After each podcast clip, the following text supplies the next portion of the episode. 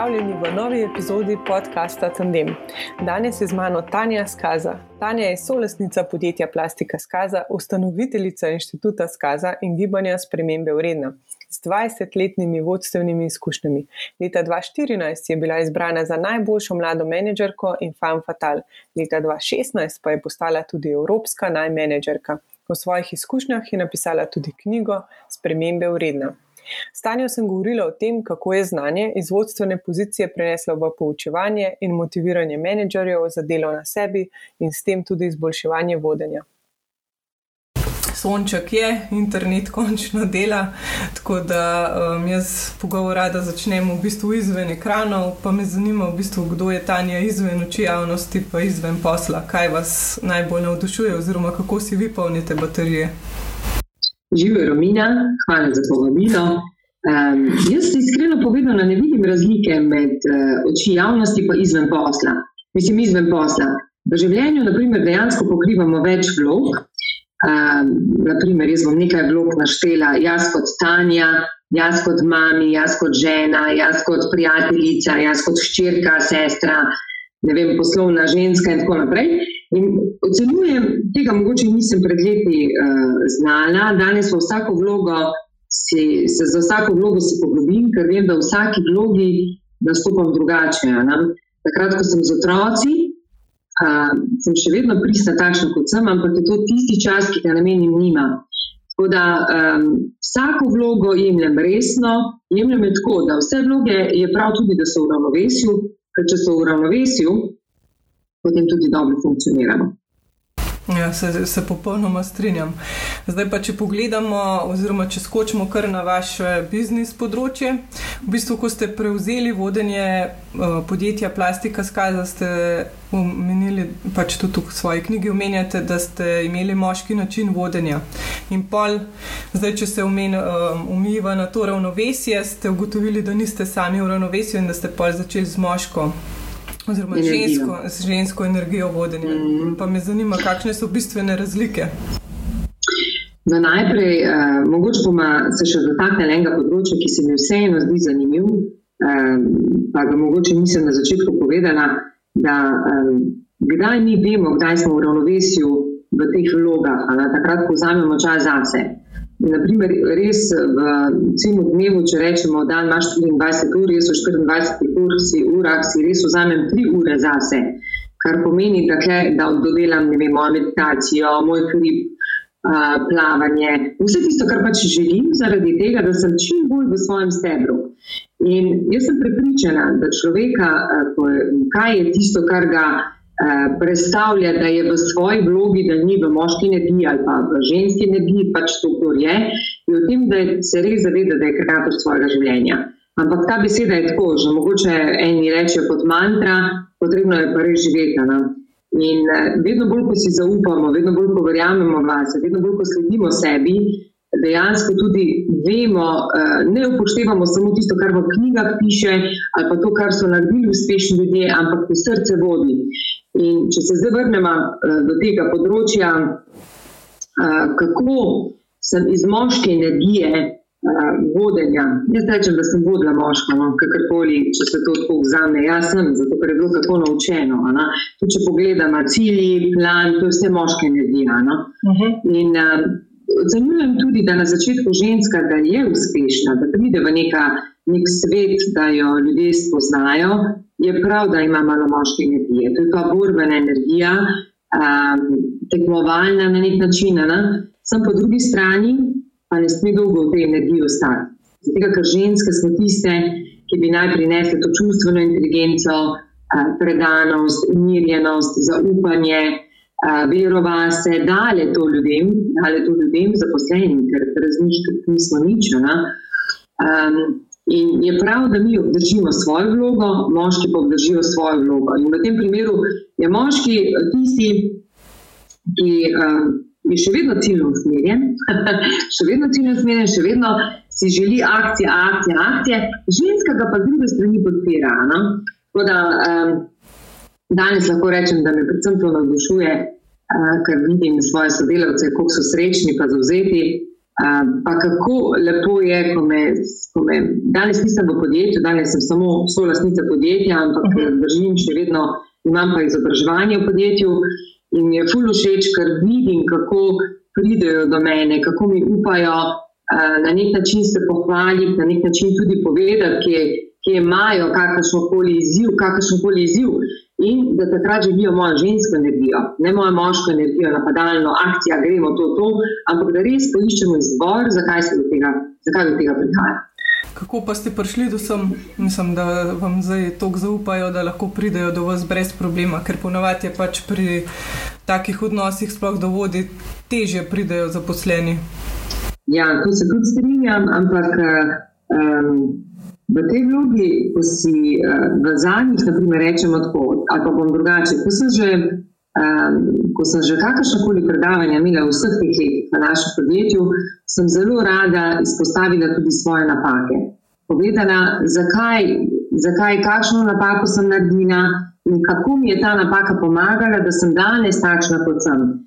To pomeni, nisem skrivala napak, nisem govorila, da sem najboljša, ampak večjemu sem odpirala področje, da če ne bomo delali napak, ne gremo ven izven svojih papirjev, to mi nismo ustvarjalni.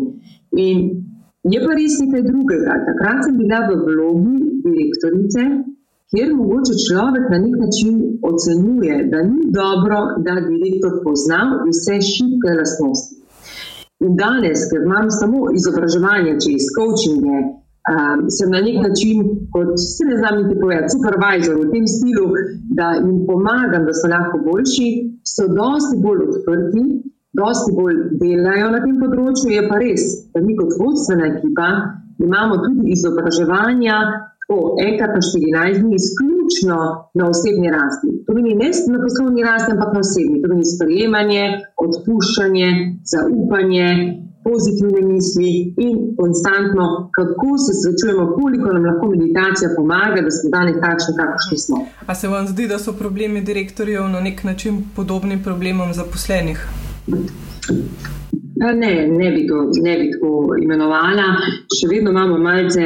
Um, mislim, to je bilo tudi dobro vprašanje, ja, ki, ga, um, ki sem videla, naprimer, da je napisano. Direktorji, da postaneš direktor, si želiš biti prepoznaven, želiš pokazati, koliko zmoreš, želiš strmiš k uspehu.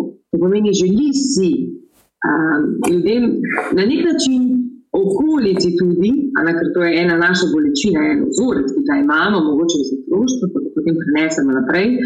Um, direktor je oseba, ki je karjerno naravnana. To pomeni, uh, želi hlasta za uspehom.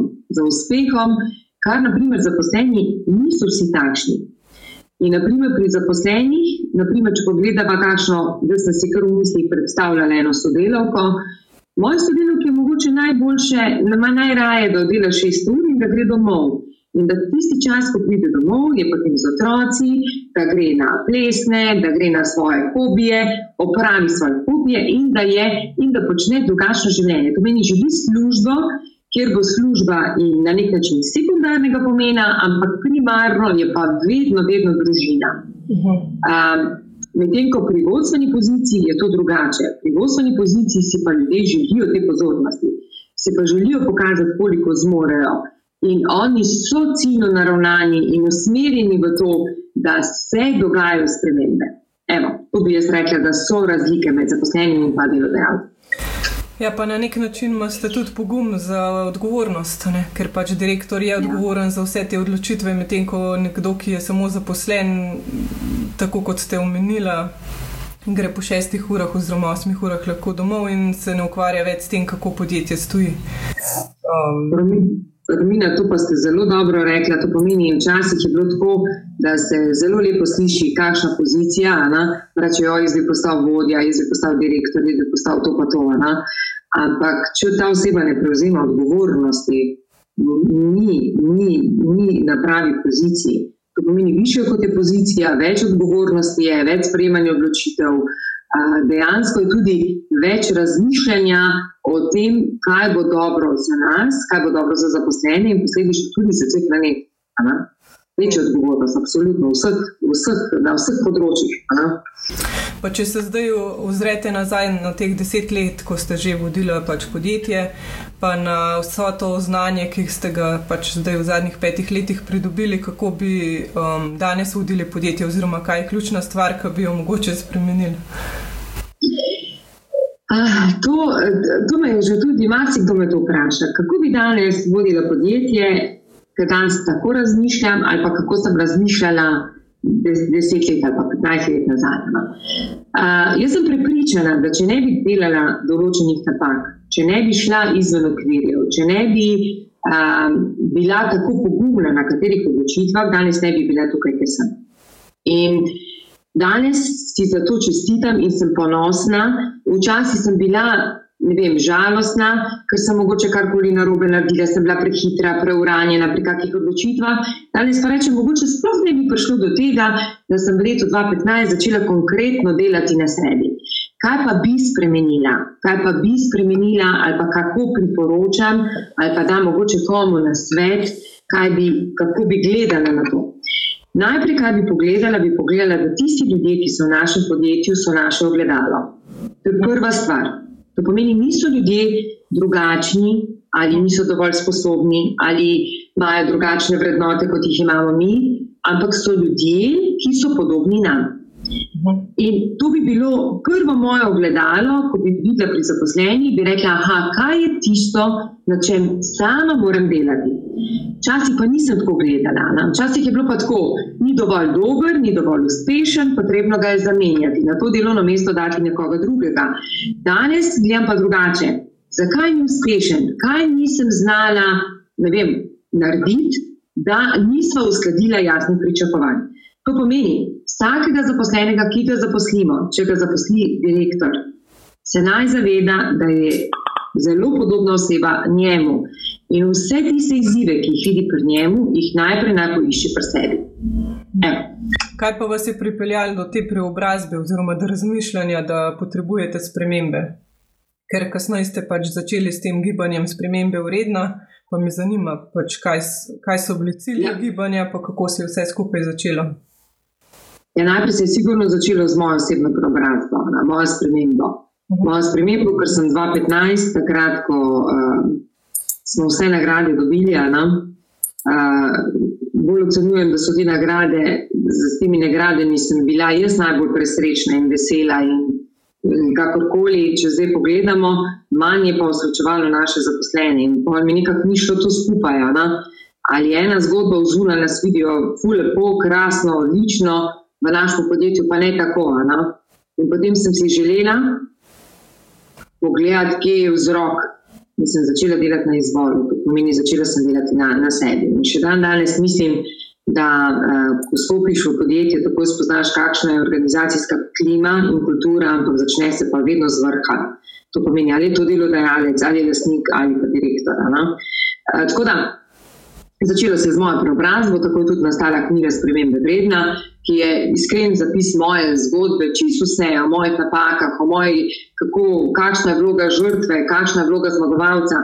Predvsem dajem poudarek na tem, da ženskam pokažem, a nam čeprav je veliko moških prebralo knjigo, da, ženske, da ženskam pokažem, da v vlogi žrtve ne bodo naredile nobenega koraka naprej, ampak bodo kvečemu vedno čakale, da bodo opažene v vlogi žrtve, ki lahko traja čisto kratek čas. In Nihče ne more narediti spremembo pri nas, če mi nismo pripravljeni. In potem smo, uh, je bil moj, eden izmed mojih ciljev, da bi poskušala ženskam pomagati, da najprej se začnemo povezovati, da si začnemo pomagati, sodelovati, ena od druge se učiti. In, smo, uh, in sem povabila v sodelovanje nekaj oseb, na, tako sem dala razpis, kdo želi prostovoljno eno leto delati na gibanju spremembe vredna. Seveda jih je prišlo malo more ljudi, od teh malo more ljudi, malo more, bilo je na začetku čez 50, na ambasador. Um, je bil cilj in smo eno leto krasno rasli, imeli smo čez 3000 uh, članic, uh, res dale več kot 260 vsebin na ta naše gibanje. Ampak potem, potem je pa tako, no, pride do ene točke, ko, začutim, ko sem začutila, da um, mogoče ambasadorke nismo vse tako um, odprte ali pa tukaj v svojem stebru, da bi lahko bile odprte do drugih. In potem sem rekla, če mi ne živimo tega mišlja, povezovanja, sodelovanja, zelo težko potem predstavimo to na, na, na naše članice. Ja, marsikatera ženska mogoče nima takšnih kapacitet, kot jih imate vi, um, in je pa težko pač drugim pokazati neko boljšo pot. Ampak zdaj, če sploh pogledamo um, na začetek, kakšnim ljudem oziroma katerim ženskam želite pomagati. Ker pač mnogo mm -hmm. žensk, kar jih jaz poznam, imajo čisto napačne predstave o tečajih, pa knjigah za osebno rast. Pa mogoče, kaj jim omeniš, da bi bilo super, če grejo na kakšno terapijo avtomatsko vsak vsaka lahko, oziroma tudi moški, pomislijo, da je kaj narobe z njimi. Um, ja. Zato me zanima, kakšen je vaš princip. Um, ker pač verjamem, da tiste ženske, ki res potrebujejo spremembe, sploh nimajo pogleda na to, kaj bo drugače, ko se lotijo pač dela na sebi. Mm -hmm. Jaz bi tako rekla, da takrat, ko je učitelj pripravljen, tudi uh, ko je učenec pripravljen, učitelj pride. To je dobro vprašanje, ker še vedno imajo to osebno rast, za neko vodu, niti ne znam povedati, da je to neka čarovniška ali pa kot ste sami rekli, lahko človek zelo hitro postane užaljen, ker ocenjuje, da aha, kar rabi psihiatra, zato da bo lahko boljša oseba. Ne? Ampak jaz še vedno mislim, da ti ljudje niso ciljna stranka eh, ali pa. Ciljna stranka namenjena za izobraževanje, ampak da so to ljudje, ki vidijo, da so nesrečni. In ne znajo iz tega podganja dirke iti ven in vedo, da je čas, da nekaj spremenijo pri sebi. Tisti, ki se še vedno branijo in še vedno to delajo tako na strani, rečejo, wow, jaz pa tega ne rabim, pa kaj pa misliš, kaj je narobe z mano. To niso osebe, ki so že primerne za osebno rast. Pravijo, da človek najprej uh, mora, mislim, mora, to se zdaj tako reče, da najprej pade da v resnici ugotovi, da okay, je pa zdaj, zdaj pa pogledamo, kaj pa sem jaz naredil, vse narobe, da nisem uspešen, da šele takrat začne delati prve korake. In jaz sem prepričana, da to drži. Da tisti, ki, so, uh, ki jih nekdo pripravi na to, kot da bi mi zdaj Romina uh, rekli najnjima prijateljicam ali pa znankam, jaz imam takih prijateljic, na to, to je ker moji moj vsi rastejo, moji vse rastejo, zato so tudi so podobne meni. Ja? Ampak izhajam iz tega, da če rečemo, kakim znamkam, da bi bil primeren kak eh, tečaj osebnostne rasti. Um, če dejansko še ne vidi, da je v življenju um, za svoje izzive odgovorna sama, je res lahko prizadanjeno. Po drugi strani pa um, ne vidi v tem nič dobrega, ki večjemu uh, ni še prišla do te točke, da bi svoje lastne prepričanja spremenila. In taki, taki ljudje imajo veliko izgovorov, mogoče da še, če mi dovolite, da še to povem. Na, tisti, ki ne vidijo, da je osebna rast primerna za njih, jih boste tudi z lahkoto spoznali. To pomeni, večinoma so vsi drugi odgovorni za nedosežke ali pa karkoli se ni naredilo. Vsakič začnejo, večinoma poiščejo um, negativne lastnosti, ali pa slabe lastnosti, pasivne lastnosti, kaj se dogaja, ne glede na to, ali je to pri osebi ali to v državi. In takrat veš, da je še vedno obdan bolj z okolico, kot v resnici svojim življenjem. Evo. Ja, in spet pridemo nazaj na to vlogo žrtve, ki jo večino. Ja, vedno smo, vedno smo v vlogi žrtve. To pomeni, žrtev ni pripravljena, žrtev bo tudi povedala, bo povedala, eno, naprimer, joj, kako me imajo grdo. Ono, dejansko ni niti izziv to priznati, ampak eh, žrtev je res takrat. Lahko pride do spremembe, dokaj res več ne vidi, ko je že čisto na tleh. Reče, ok, zdaj pa idemo pogledati, kaj lahko sama naredim. Sam to so, jaz bi tako rekla, 150 let, eh, ali pa 150 let volilno pravico, na? ženske. Ja. Na teh 150 letih, ne nekaj takega, da ne bom zdaj se jih točno držala, uh, smo naredili že velik, velik korak. Predtem, predtem smo pa vedno bile samo takrat opažene, ko smo jamrale, ko smo bile bolane, ko smo, ali tako, zdaj če pogledamo, ne vse, ampak večina njih. In da ne bomo se samo dotaknili žensk, ker je tudi veliko moških. Ali? Moški znajo še počasi biti dosti večji heroji, ker so pa uh, v tej svoji samozavestni pozi ali pa uh, s tem nastopom, s to energijo, znajo marsikdaj skriti to svojo ranljivo, ranljivo osebo v sebi, uh, zaradi tega, ker pač nastopajo tako samozavestno, napadalno, z nekim vplivom. Takrat lahko začutimo največjo žrtev kot otroka, ampak mu je treba zelo nežno pristopiti, ker tudi on tega ne ve. Ne? Ja, spet je vse delo vzgoje, mm, ker smo pač male fantke vedno vzgajali v tem, da oni ne jokajo, da oni zmorejo in da naj pač vedno grejo sam naprej.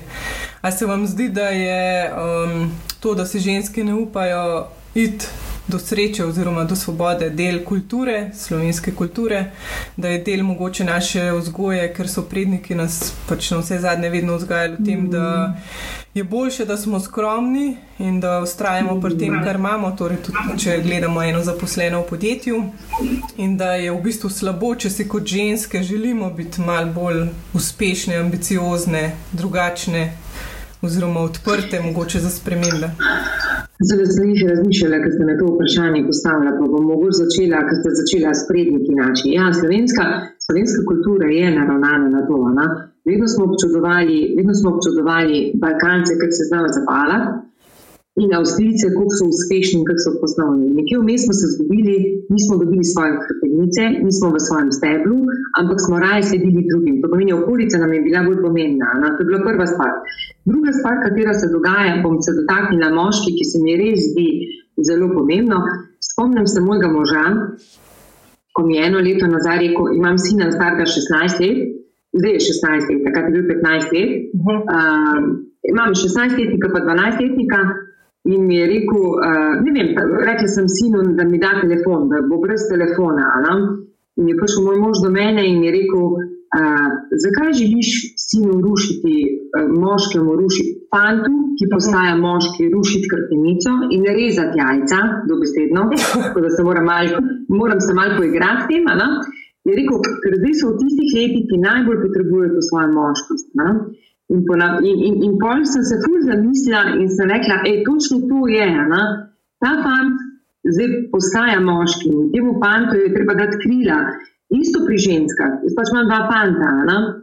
In, in ker, če ne daš takim fantkom krila, iščejo si žensko, ki je mila, nežna, ki bo kimala, se ne bodo upali poiskati žensko, samozavestno žensko, ker jih bo strah, da jih bo lahko kar, kadarkoli prizadela. In če se enako pri ženskah, pri naš, pri punčkah, ne, isto od 15 do 17 let, je prav, da jim damo krila, ker takrat bodo se počutile vredne, samozadostne, imele bojo, gradile bojo na svoji podobi, verjele vase. In jaz bi rekla, da to je res neka vzgoja, ki nam je bila podana od prednikov, ali pa tako, ker smo rekli, mi smo starši, oni so otroci. Tako da jaz sem marsikdaj s kateremu od ne, ne, moje prepričanja so malce drugačne, zato ker sem jaz porasla, me, mene so moji krvezali, pa mojega brata. Danes vidim, koliko sem mogla narediti, da sem dala te vzorce ven. Um, in ocenjujem, da ženske mislijo, da so lahko samo uspešne, če nastopajo z moško energijo. In potem se ne grejo, ne grejo v ta napad, zato ker ga niso imeli kot otroke, mislim, kot otroci ga niso imeli na mo možnost preizkusiti. Na? Tako da še vedno mislijo, da je lepše, bolj varno okolje, če so samo tam, kjer so uspešne in da so moški tisti, ki naredijo ta korak naprej. Upam, da sem poskušala razložiti zdaj malce na dolgo. Ampak, dajmo dovoliti otrokom, da rastejo, dajmo otrokom dovoliti krila, dajmo jim dovoliti, da razmišljajo svojo glavo, da postanejo kreatori svojega življenja, mi jih pa usmerjamo. Tako da, njih tiste leta od 15 do 18, mislim, da ko najbolj poletijo, seveda, kot so mali, ne treba zgažati, ampak tu je pa, ko se pa že res iščejo. Kot deklice iščejo se v ženskosti, v svoji ženski in fantik se iščejo v svoji moškosti. Ja, da jim damo krilo, pa na vse zadnje, da jim tudi pokažemo, da nič ni narobe s tem, da so ranljivi, oziroma da pokažejo, da pač ja. včasih ne zmorejo. Um, Imate pa tudi v bistvu delavnice, družinske delavnice, um, mislim, delavnice za družinska podjetja. Pa me zanima, kako potekajo te delavnice. Ali pogledate individualno, s kakšnimi problemi se podjetje sooča, in potem pač podate neke rešitve, vam pomagajo pri tem strokovnjaki. Uh, nimam delavnica za družinsko podjetje, ampak uh, svetovanje. To pomeni, da pridem v družinsko podjetje in sem z njimi ene, odvisno 6-9 mesecev, v primeru, da jim postavimo, da postavimo res, gremo narediti podjetje, če je naprimer družinsko, pa je še mogoče, nimajo še postavljenih stebrov, temeljev, postavimo vse.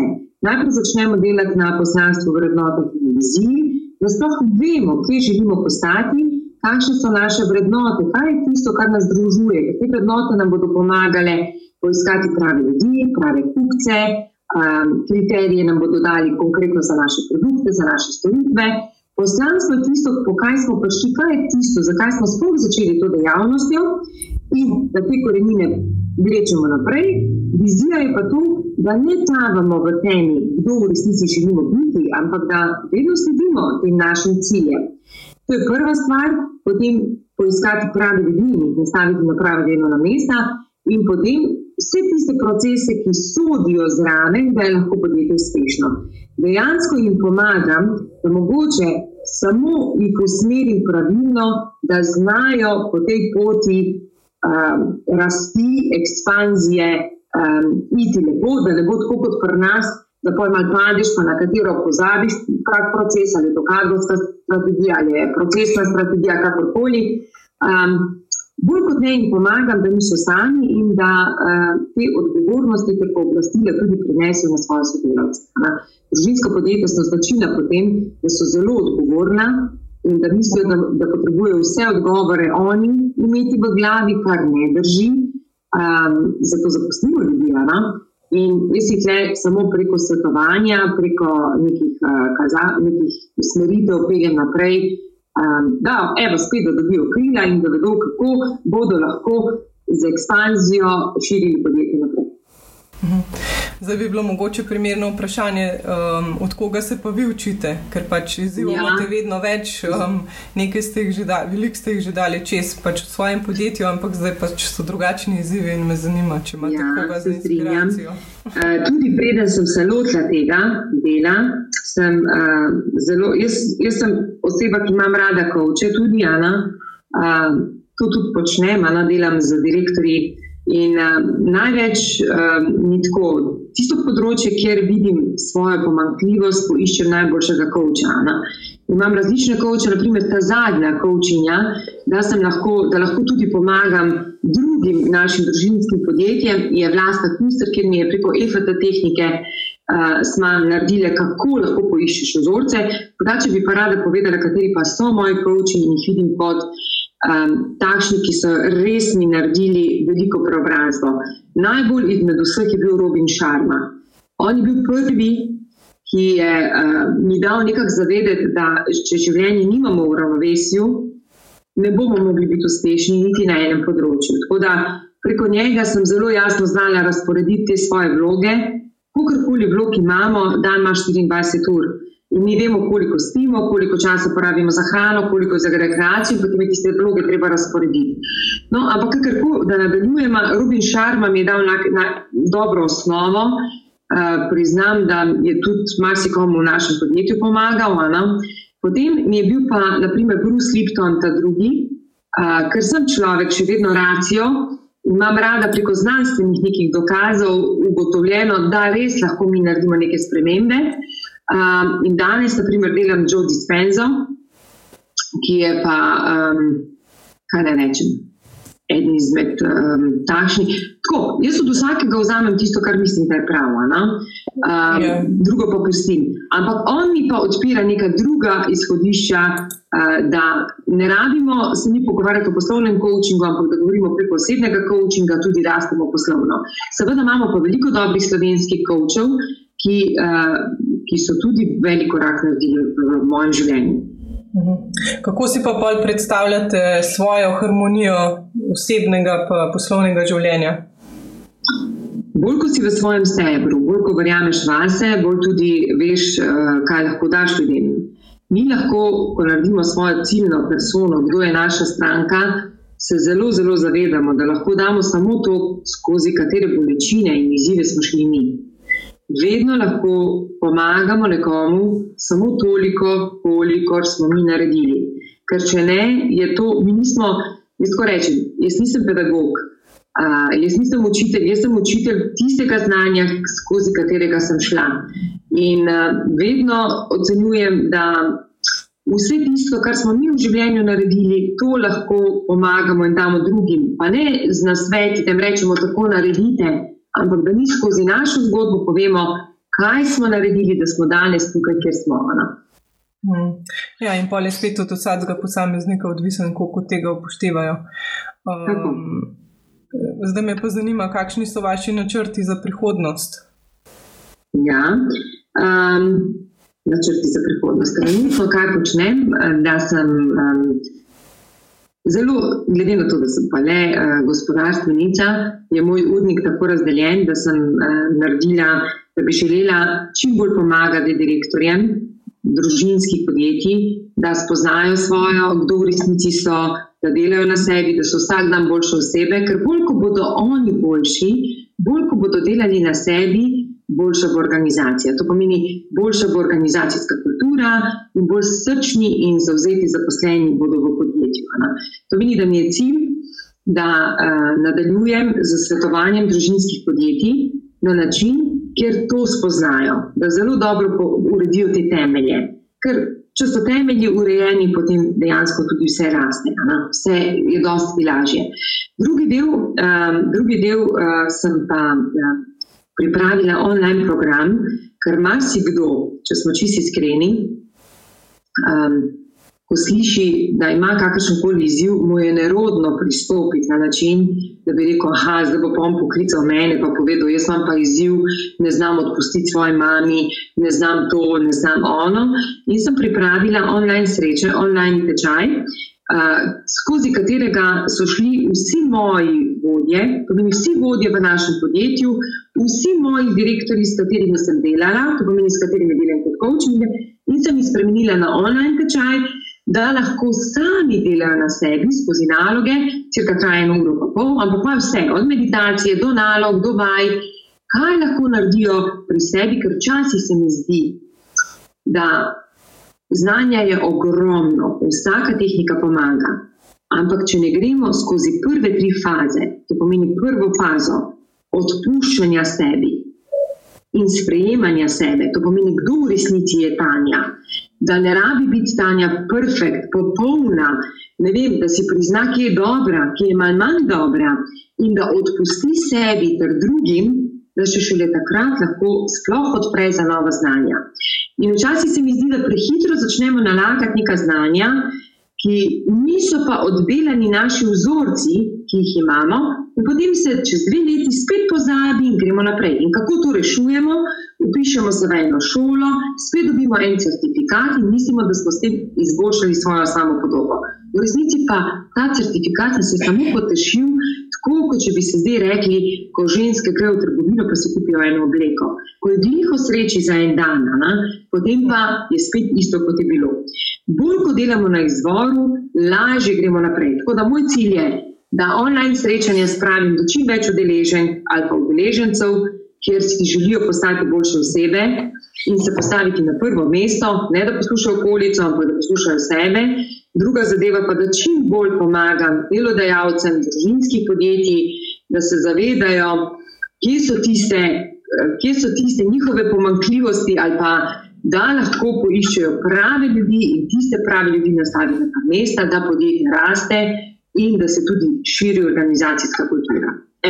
Mhm. Ja, to, kar ste zdaj omenili, je pač dejstvo, da se nič se ne zgodi čez noč in vse te spremembe, ja. življenjske spremembe trajajo. In uh, po mojem, problem tudi v tem, da ljudje pričakujejo neke hitre občutke, da bodo pač se takoj bolj počutili, ampak življenje je v bistvu zelo živo in imamo in pace, in dobre občutke, in je treba vse sprejeti.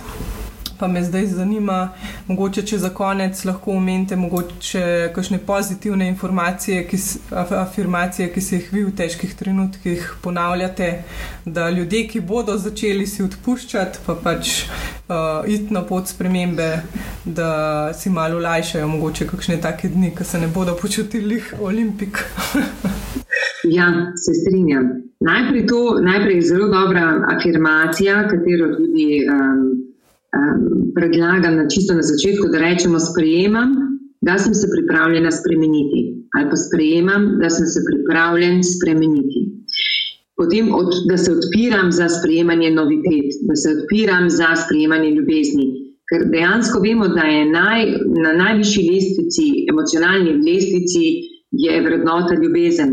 In bolj ko smo v ljubezni, bolj ko smo v radosti, lažje smo odprti za druge spremembe. Tako da, predvsem tudi, da sprejmemo, naprimer, da si rečemo ena izmed mojih afirmacij, ker sem bila kar dokaj dolgo perfekcionist, kar pomeni, da sem sama sebe bolj oteževala delo in še bolj je bila tudi ta sprejemam, da nisem popolna. Uh, zaradi tega, da sem se malce osvobodila moje zahtevnosti, moje kritičnosti in da sem rekla, ok, le, dan je lahko tudi takšen, dovolj je, da oddelam tri tri točke po planu in je še vse en ok. Ne rabi imeti pet sestankov, lahko je tri, pa tri učinkoviti in dobri. Um, potem pa predvsem afirmacije, ki so namenjene hvaležnosti. Afirmacija, ki um, danes, ah, bom mogoče tako dala komentar, ocenjujem, da smo premalo hvaležni za to, kar imamo. Že to, da smo se zbudili v nov dan, da se mi dve danes pogovarjava, to ni na ključje. To je hvaležnost. Imamo obe krasen dan, obe sonček, tako na vaši strani, kot pa nas v Velenju. Ampak že to, da smo hvaležni za majhne stvari. Ker če nismo hvaležni za majhne stvari, zelo težko lahko dobimo tudi večje stvari. In največkrat se nam to zgodi na delovnih mestih ali pa pri obilju in vedno rečemo, da ja, pa nimam tega, pa nimam onga. Bodi hvaležen to, kar imaš sedaj, ker ko imaš to, te bo že vesolje nagradilo, univerzum ti bo že dal, dokler bo videl, da si hvaležen za to, kar si sedaj postavil. Tako da, čim bolj afirmacije predlagam o hvaležnosti, to pomeni hvala za dan, hvala, da imam priložnost delati nove stvari, potem sprejemamo se, potem tudi odpustimo si, odpuščam si, da nisem popoln odpuščam in oproščam določenim ljudem. In če je le možna varijanta, predlagam ljudem, da se pogledajo zjutraj v gledalo in da se zahvalijo, da si rečejo, da so hvaležni za nov dan, zase, da, da verjamejo vase, da se cenijo tako nekaj osnovnih afirmacij. Vsak ne morem izdati, ker jih bo potem preveč. Uh, da, Morajo iti na tečaje. ja, jaz, bi, mislim, jaz sem prepričana, da no, tudi pri tečaju imamo, uh, sem naredila opcijo, da tisto, kateri četrto srečanje ne pomaga, absolutno vrnem denar, ampak do sedaj ni bilo takšnega. Pa ne, da ni bilo takšnega, ker vem, na kak način sem jaz zrasla, kaj je meni pomagalo. Zelo sem učljiva tudi našem podjetju, zelo veliko damo na izobraževanje, to, to je bilo vedno tako, mi včasih, da sem takšna.